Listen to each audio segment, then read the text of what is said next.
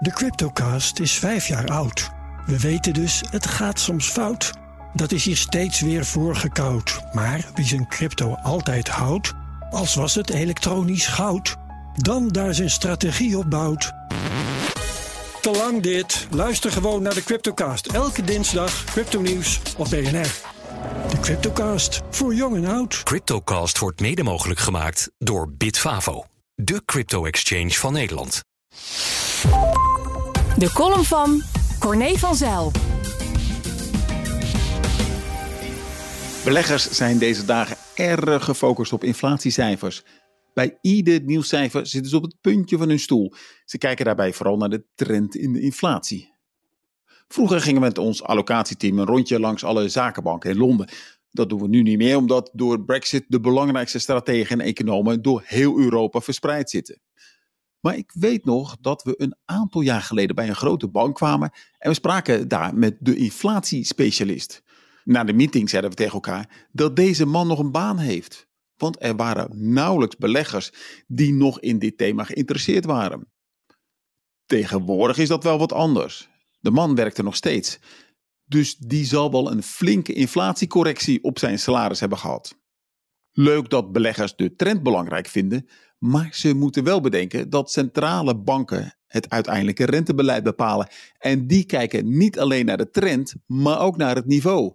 En zolang ze het niveau te hoog vinden, blijven ze voorzichtig. Rekent u maar op een lange pauze. Ze willen immers zeker weten dat alle zeven koppen van het inflatiemonster zijn afgehakt. De inflatie moet naar de 2% toe. Sommige economen vinden dat een inflatiedoelstelling van 3% ook wel goed is.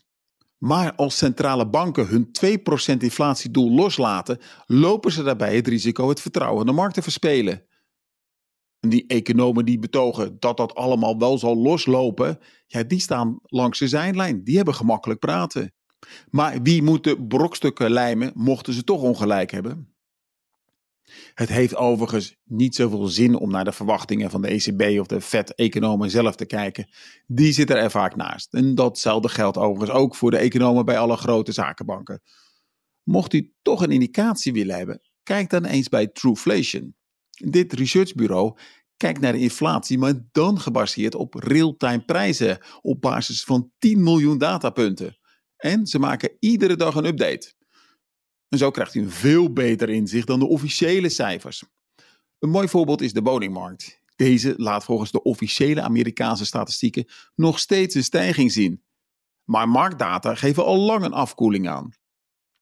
Als je deze marktcijfers in je berekening meeneemt, kom je aanzienlijk lager uit. Trueflation zit nu zo rond de 2,1%. En dat is een stuk minder dan de officiële 3%.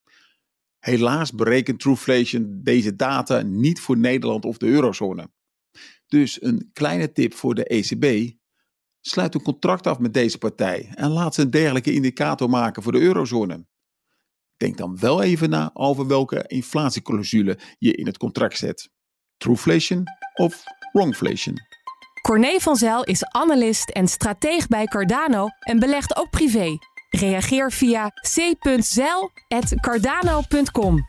Deze column kun je ook iedere vrijdag in het Financiële Dagblad teruglezen. Wil je meer columns van Corné horen? Luister ze dan terug via de BNR-app of je podcast-app.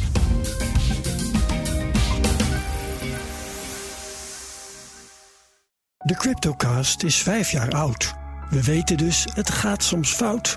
Dat is hier steeds weer voorgekoud. Maar wie zijn crypto altijd houdt, als was het elektronisch goud, dan daar zijn strategie op bouwt.